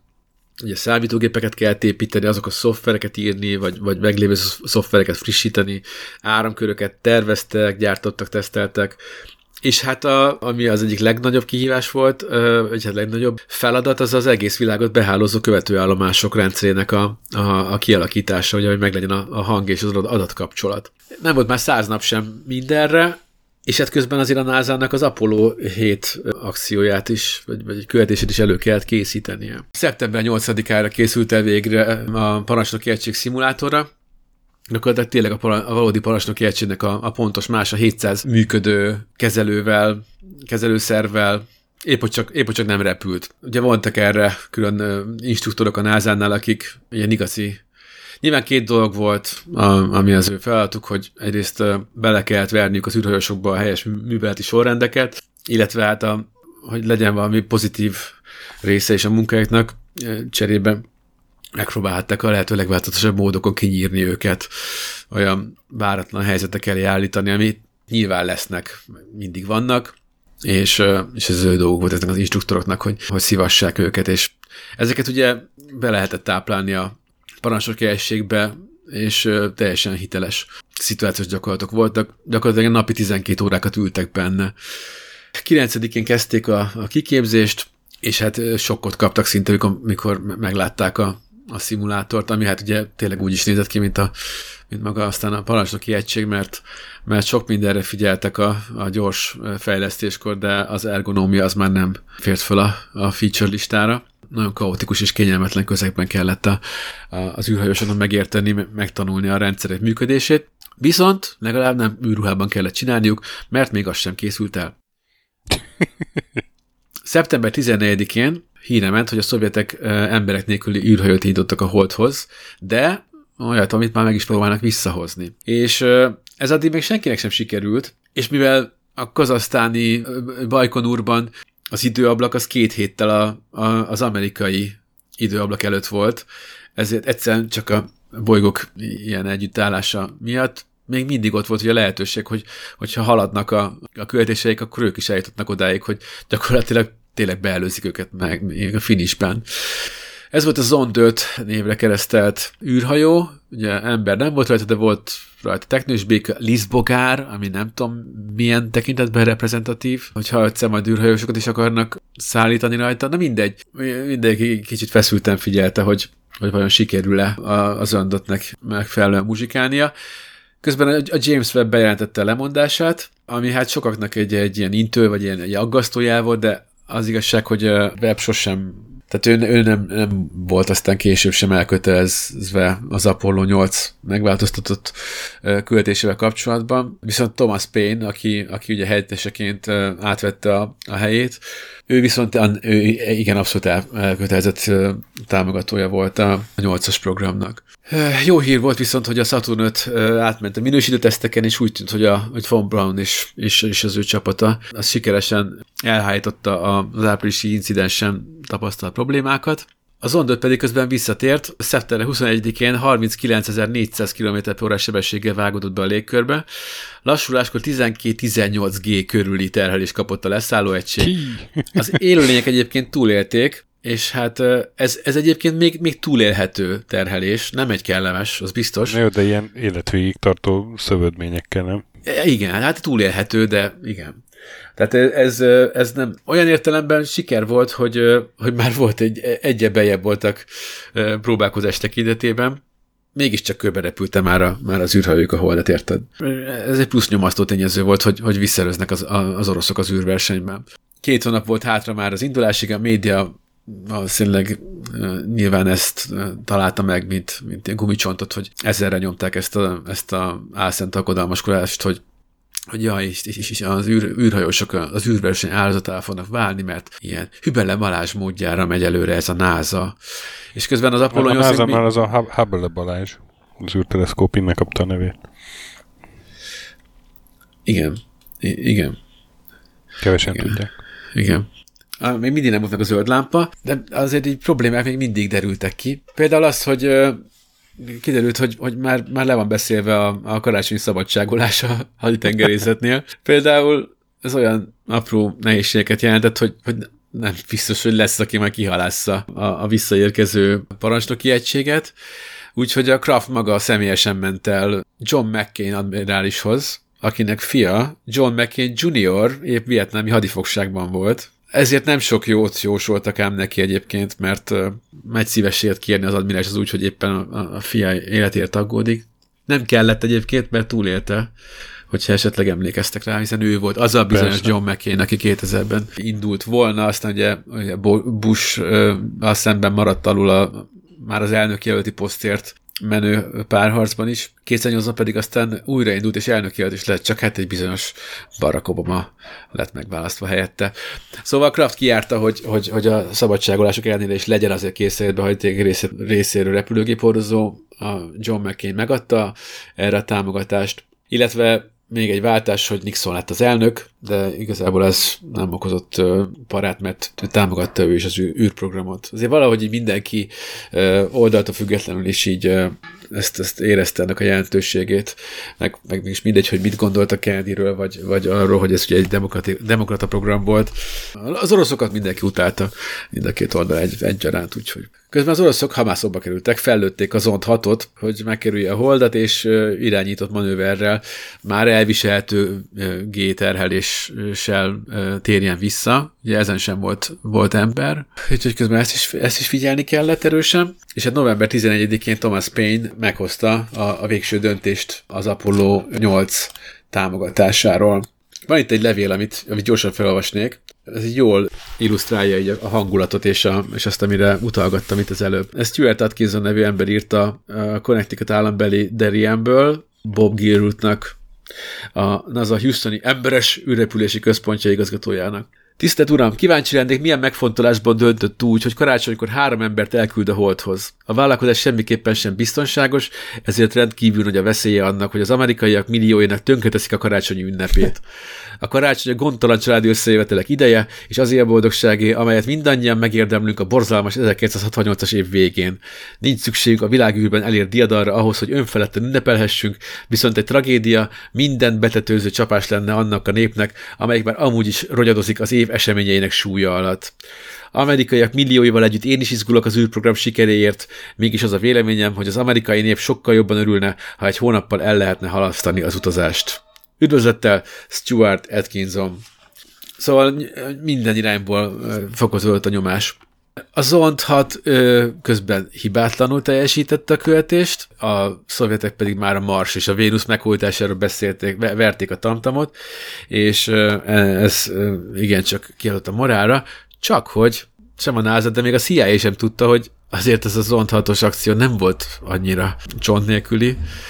Például azért, mert a légkörbe lépése előtt a levegő egy része megszökött a kabinból, másrészt pedig, mert az ejtőernyő nem működött megfelelően, és, és ezért nagyon durva erővel csapódott az űrhajó a földbe. Gyakorlatilag ezek bármelyikébe belehalt volna egy, egy tényleges legénység.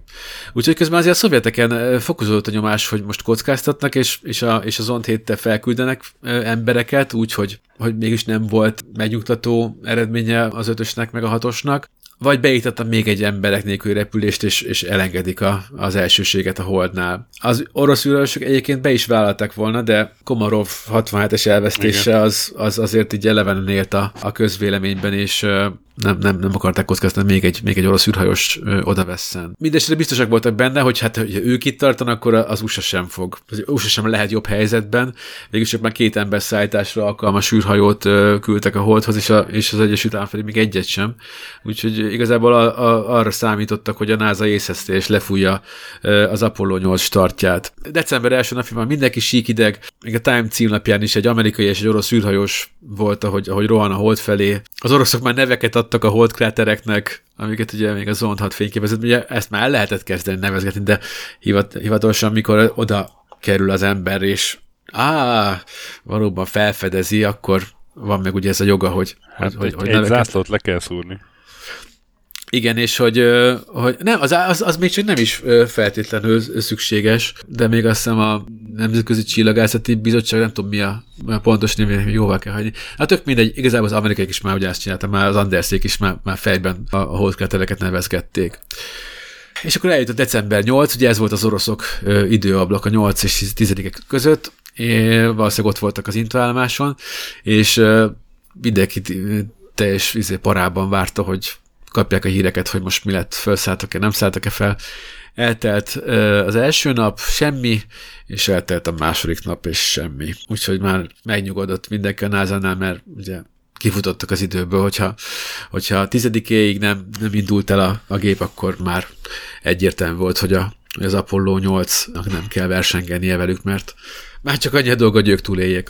Borman jelezte is a nasa hogy gyakorlatilag hogyha sikerül az a küldés, akkor, akkor, akkor legyőzték az oroszokat az űrversenyen, mert ennek megfelelően ő, mivel ez volt a célja, ő, ő akkor felhagyja az űrhajós karrierjével, és, és kilép. Két itt az indulását nagy sajtótájékoztató, búcsúzkodás, és, és a start előtti két évet már a fokon töltötték volna, de persze az elnök az utolsó pillanat még kitalálta, hogy, hogy, hogy utazzanak oda a Fehérházba díszvacsorára, ami szuper volt, csak éppen elég erős influenza vírus terjedt, és, és ott tüsszögtek, köhögtek az emberek, ami egy kicsit problémás tud lenni, és nem is értették a, az űrhősök, hogy ez, ez, ez, erre miért nem gondolt senki, hogy talán akkor nem biztos, hogy jó ötlet volt most karantén helyett inkább bulikázni az elnökkel.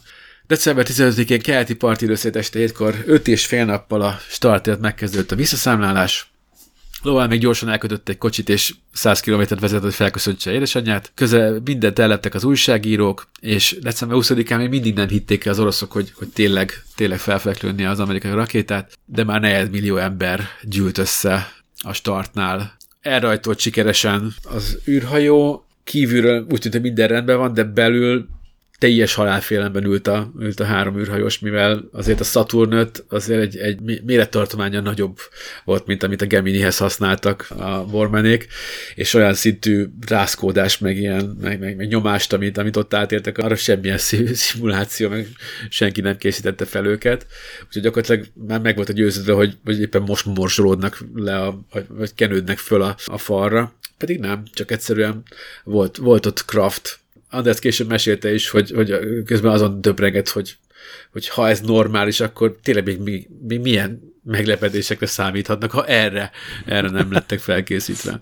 Aztán átlépték a hangsebességet, és akkor már, már nyugi volt.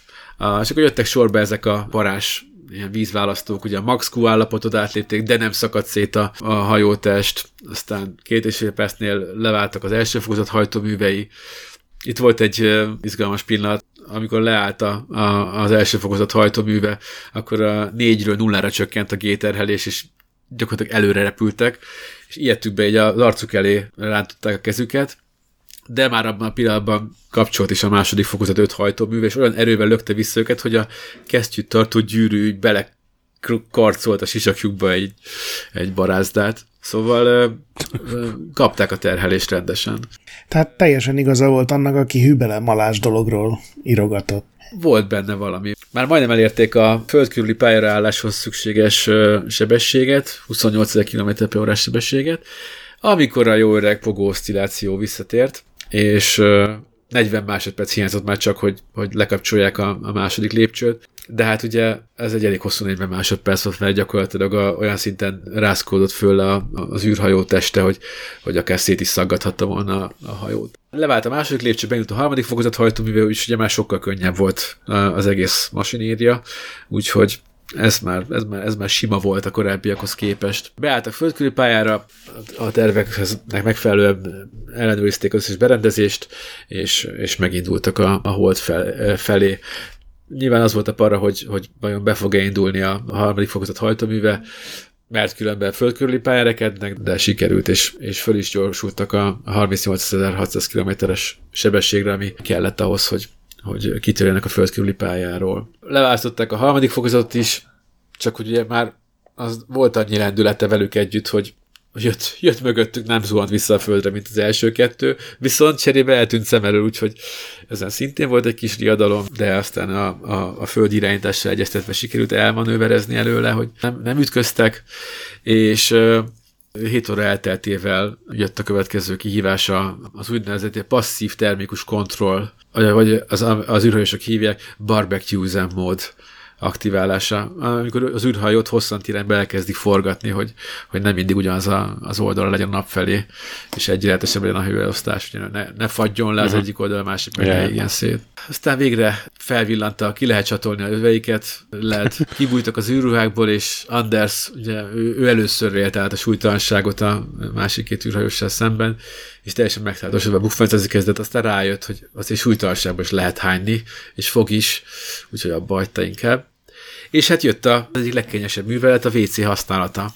Én ezt, ezt a részét hallottam a sztorinak, hogy ugye egy ilyen kondomszerű csövet kellett a pipilőre húzni, és, és ez, ez, ez ugye három mérettartóan volt elérhető, és ezt a sztorit ezt hallottam, de olyan örömmel láttam, hogy ez nem egy örben legyen, nem tényleg így van. Ugye ez három méretben készült, kis, közepes és nagy méretben, de ugye, hogy ne érezzék rosszul magukat az űrhajósok, meg hogy nem mindenki a, a legnagyobbat válassza már csak így önbecsülésből is, ezért, és, és ugye ne, ne viselek emiatt össze a kabin, ezért extra nagy, óriási és hihetetlen volt a, a három méretnek a, a méretkódozása. Nem tudom, ez, ez megvolt-e, hogy ez, ennek mi volt a mögöttes technológiája, mert hogy egy, amellett, hogy plömpölőre még rá kellett húzni ezt a csövet, a lehetőség szerint megfelelő mérettartományba tartozó csövet. Még egy jól időzített szelepnyitogatással is kellett rásegíteni a pisilésre, hogy a, hogy a vákum az a vizeltet a hajón kívülre ráncsa. Csak hát ugye, ha túl lassan nyílt ki, akkor, és ezt idézem szó szerint nagyon-nagyon költői, a kiszabaduló aranyszínű cseppecskék vidáman táncoltak a kabin súlytalanságában. Ha pedig, ha pedig ugye az alternatív az volt, hogyha a vákum hirtelen nehezedik ugye a, a, arra bizonyos érzékeny pontra, akkor nem mindegy, szóval fontos volt, hogy ezt jól csinálják. De még emellett is azért még, még okozott extra kihívást a PC használata, mert uh, még a stimmelt is minden, a folyadék kilöködés az, az, az, egy olyan extra impulzus volt, amit, amit aztán röppálya módosítással még kompenzálni kellett. És nem akarok itt leragadni az altesti témáknál, de, de hogy ennél rosszabb volt sokkal a székletürítés ami, és ez, és ez megvan stöki, hogy ez hogy nézett ki? Hát nem tudom, melyik én voltam én Houstonban is, a ottani látogatóközpontban, meg Floridába is, a kép és én láttam én űrvécéket, nem tudom ez melyik, de bennem az volt meg, ami az űrállomáson volt. A, valószínűleg ez nem az volt, hogy a, ja, hogy a kamerán kell nézni a saját seggedet, hogy megfelelően jön-e. Szerintem az, az már ez, ez, egy, ez, egy, ez egy fejlettebb. Ez egy, egy szofisztikáltabb technológiának tűnik. Egyértelműen, igen. Nem, itt ragasztószaraggal szerelt gyűjtőzacskó volt a, a menetfelszerelés része, amit a ragasztószaraggal gyakorlatilag a, az al, al, altest, altestájékra kellett szikszalagozni, és, és az acskón ki volt alakítva ilyen, ilyen zsebes rész, ami, ami keresztül kézzel terelgetheted a dolgokat, mert ugye a súlytalanságban nem estek bele a, a, a dolgok csak úgy maguktól az acskóba. A nagy dolgok. Igen, igen, igen. Tehát így, így a, a, a zacskó zsebein keresztül kellett így, így, így gyakorlatilag így be, Masszírozni. befocizni. Igen, igen, igen. És akkor utána erre jött egy, egy csíraölőszer, ami szaksemlegesített, megölte a baktériumokat, még miatt azok gázt fejleszthettek volna, felrobbantva az zacskót. Fontos, fontos. Bár valószínűleg nagyon szépen letekerték volna az ablakot, hogy kihajítsák őket az első e, útmenti benzinkútnál, e, ezekkel együtt kell utazni, mert a NASA őszinte kíváncsisággal várta otthon, hogy megvizsgálhassa majd a, az űrhajós kakit, e, a világ űr emberet, emberi szervezete gyakorolt hatását. Egyébként Anders nagyon, ő, ő volt, aki a leginkább tartott ezek, ettől az eszköztől, és ugyan ö, még haza is vitt egyet kipróbálásra, amit, ami, amely éppen rákészült volna, hogy leteszteli, de a felsége felhívta rá figyelmét, hogy eszébe ne jusson a hitvesi ágyban fekve kipróbálni ezt, mert ugye Anders valami úgy gondolta, hogy ezt nyilván fekve kell csinálni, ezt csak nem fekszik a földre. Az, hogy felesége tudomány iránti érzéketlensége rettentette előtt végképet az eszköztől, mert inkább megkérte a repülőorvost, hogy ajánljon valami kevesebb salakanyag képződéssel járó étrendet, és ezt tette. Úgyhogy Anders az utazás végéig kibekkelte a, a ragasztószalagos gyűjtőzacskók használatát nélkül a Így látatlanban azt mondom, hogy ő túrát. tette jól. Igen, azt hiszem mondhatjuk, igen. Bár ki tudja még, mi lesz a vége a történetnek. Na most lehet, hogy nem tudott volna, nem tudta volna ő sem kihúzni, és kicsit begyorsulnak a, a, az ő folyamatai, hogyha ha tudta volna azt, amit lent már észrevettek, hogy a, az SPS nem működik megfelelően, nem éri el maximális tolóerőt, nem elég gyorsan éri el a maximális tolóerőt, és, és még az sem elég erőteljes de ezt a Kraft, meg a Lenti csapat ezt ugyan konstatálta, de nem kötötték a legénységóra, úgy tudtak volna fönt ö, semmit kezdeni ezzel. Aztán eljutottak, hogy á, biztos csak egy kósza buborék, mint amikor sokáig nem kapcsolt be a benzines fűnyírót télen. Ma- Már azóta biztos kiment. Na és akkor úgy tűnt, hogy minden oké, okay, de a Borman valahogy mégsem tudott elaludni, eléggé fel volt spanolva, úgyhogy engedélyt kért egy, egy altatóra, így sem sikerült elaludnia. Végül egy sajnálom fiúk sóhajjal összehányta a parancsnoki fülkét. Na most ez ide valami, valami klasszikus zenei betétet képzeljetek el, ahogy, ahogy ilyen egészen költő, ilyen úsznak ezek a, ezek is gyöngyöcskék, ami nyilván egyrészt Talán a Holdfény szonáta az megfelel. Jó legyen az. Tehát, hogy egyrészt, egyrészt gyönyörű, másrészt meg nyilván végtelen undorító látvány volt, és, és erre, erre tényleg nem voltak fölkészülve, úgyhogy ilyen esetlenül elkezdték megpróbálni összefogdosni a hányás gömböcskéket a fülkében, miközben ezek így pukkantak szét így rajtuk a ruhájukon, a fedélzet felületén, és azt hiszem, hogy ezt inkább, a, inkább szintén idézném a könyvből. Lavelle fogott egy törlőkentet, és megpróbálta letörölni a szennyet a ruhájáról, de az igazi megpróbáltatások csak ezután kezdődtek. Alulról a saját tengelyük körül forgó székletcsomók lebegtek feléjük. Ha szilárd darabok lettek volna, akkor Andersnek és Lavelnek lett volna esély félre húzódni előlük és összeszedni darabokat. Bormannek azonban hasmenése volt. Jaj. Meg. Az összes elérhető törlőkendőt ö, sikítva rántotta ki a tárolóból ö, Lavelle és Anders, és, és a tovább levegő cseppekre elkezdtek vadászni, mint, ö, mint Ursula nővér a Dr. Bubóban, amikor lepkét próbált fogni. E- ezzel eltelt egy, egy, egy, egy jó pár perc, míg hárman ott, ott próbálták. Borman ugye kicsit zölden. Na mindegy, lényeg az, hogy Borman állapota még ilyen felületes szemlélő számára is így sejteni engedte, hogy ő nincs teljesen jól, de ő azonnal kijelentette, hogy, hogy nincs az Isten, hogy, hogy ezt, ezt lejelentsék Houstonnak. Lélekben fel volt készülve, hogy valami trigger happy názás orvos az végre megérzi, hogy ez lesz az ő nagy pillanata, és a legénység érdekében le kell fújnunk az akciót. Tehát, hogy félt, hogy, hogy, hogy leállítják a küldetést, úgyhogy nem volt hajlandó elárulni. Lovell ugye régi harcos társa volt Bormannek, ő mondta, hogy hát jó, hát végül is hát ha kielussza meg, ha nem, akkor csak meg tudják csinálni nélkül és a dolgokat. De Anders nem volt, nem volt teljesen nyugodt, azért próbáltak így hatni a Bormanre, hogy, hogy valahogy azért csak, csak kéne, kéne jelezni ezt, ezt Houstonnak. De ugye minden, amit ők kommunikáltak a központtal, az gyakorlatilag újságírók hada hallgatta még, és élőben rádió keresztül követhető volt, úgyhogy mégis érthető, hogy, hogy Borman nem feltétlenül tárgyalná ezt így ki országvilág előtt. Aztán végül azt találták ki, hogy hogy valami diszkrét módon kéne tájékoztatni a központot. Egy hangüzenetet vettek föl, hogy Borman Magnóra mondta, és egy ilyen mellék kisegítő csatornán keresztül töltötték föl a, a központnak, de nem, nem jött rá válasz órák keresztül. Akkor, akkor a többiek próbáltak akkor kicsit aludni, mert Borman akkor már feladta, hogy aludni fog, inkább zöldült, és, és ilyen nézett mereven maga elé. És aztán rájöttek, hogy nem olyan egyszerű ám aludni, főleg akkor, amikor csukott szemmel és folyamatosan ilyen fényvillanásokat látnak. Erre sem voltak fölkészülve, nem tudták, hogy a látóidejüket bombázzák ugye a kozmikus sugárzás részecskéi, és uh, ugye ennek az a, az a szexepíjának a jelenségnek, hogyha szemed elé teszed a kezedet, akkor meg gyakorlatilag röntgenképet látsz a kezedről, mert, mert ugye azon is átmennek ezek a kis részecskék. Kicsit idegen közegben uh, kellett valahogy boldogulniuk. Képzeld a nagy fejed van, azt mennyi részecske éri. Még több. Tényleg ő nagyobb villanásokat látott? Az nem tudom, hogy a szem, szemgolyó is nagyobb volt-e. Nem tudom, neki, a Bormannek minden, minden baja volt. Lehet összeült egy húsvezetés, aztán dühöngtek, de, de végül nem, folyták, nem fújták le az akciót. Úgyhogy mentek, mendegéltek tovább. Meg volt az első tévés bejelentkezés, egy kis bénázással, de sikerült. Egyébként fenn, van, fenn vannak YouTube-on a tévés bejelentkezéseiken, nagyon érdemes egyébként benézni.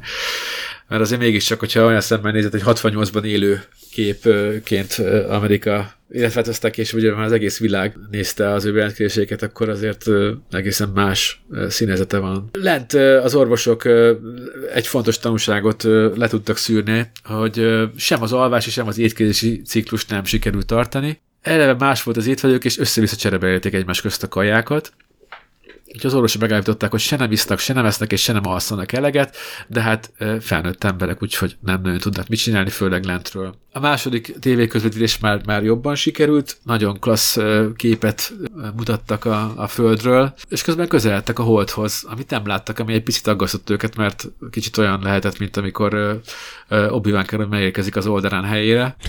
Szép lassan eltűntek a csillagok az égről, és csak a feketeség maradt, ami, ami egyre parásabb volt, amíg rá nem jöttek, hogy hát ez az a bizonyos, ahol sötét oldala, mert hogyha éppen nincs megvilágítva, akkor az csak egy test az űrben, ami, ami még csak ki is takarja a maradék csillagot, tehát nem, hogy fénylik, hanem még csak nagyobb, nagyobb tőle a sötétség eltűntek a hold mögött, megszakadt a rádiókapcsolat, de pontosan abban a pillanatban, amit a NASA előre kiszámolt, úgyhogy nem volt ok aggodalom, nem úgy tűnt, hogy tökéletes pályán voltak. Hát döbbenetes volt számukra megpillantani a hold felszínét, mert teljesen más milyennek látták, mint képzelték, meg már szabad szemmel is, és, és egy csomó új információt nyertek, és egy nyilván el is kezdtek vadul fotózni, úgyhogy maradt, maradt azért felfedezni való ö, otthonra is.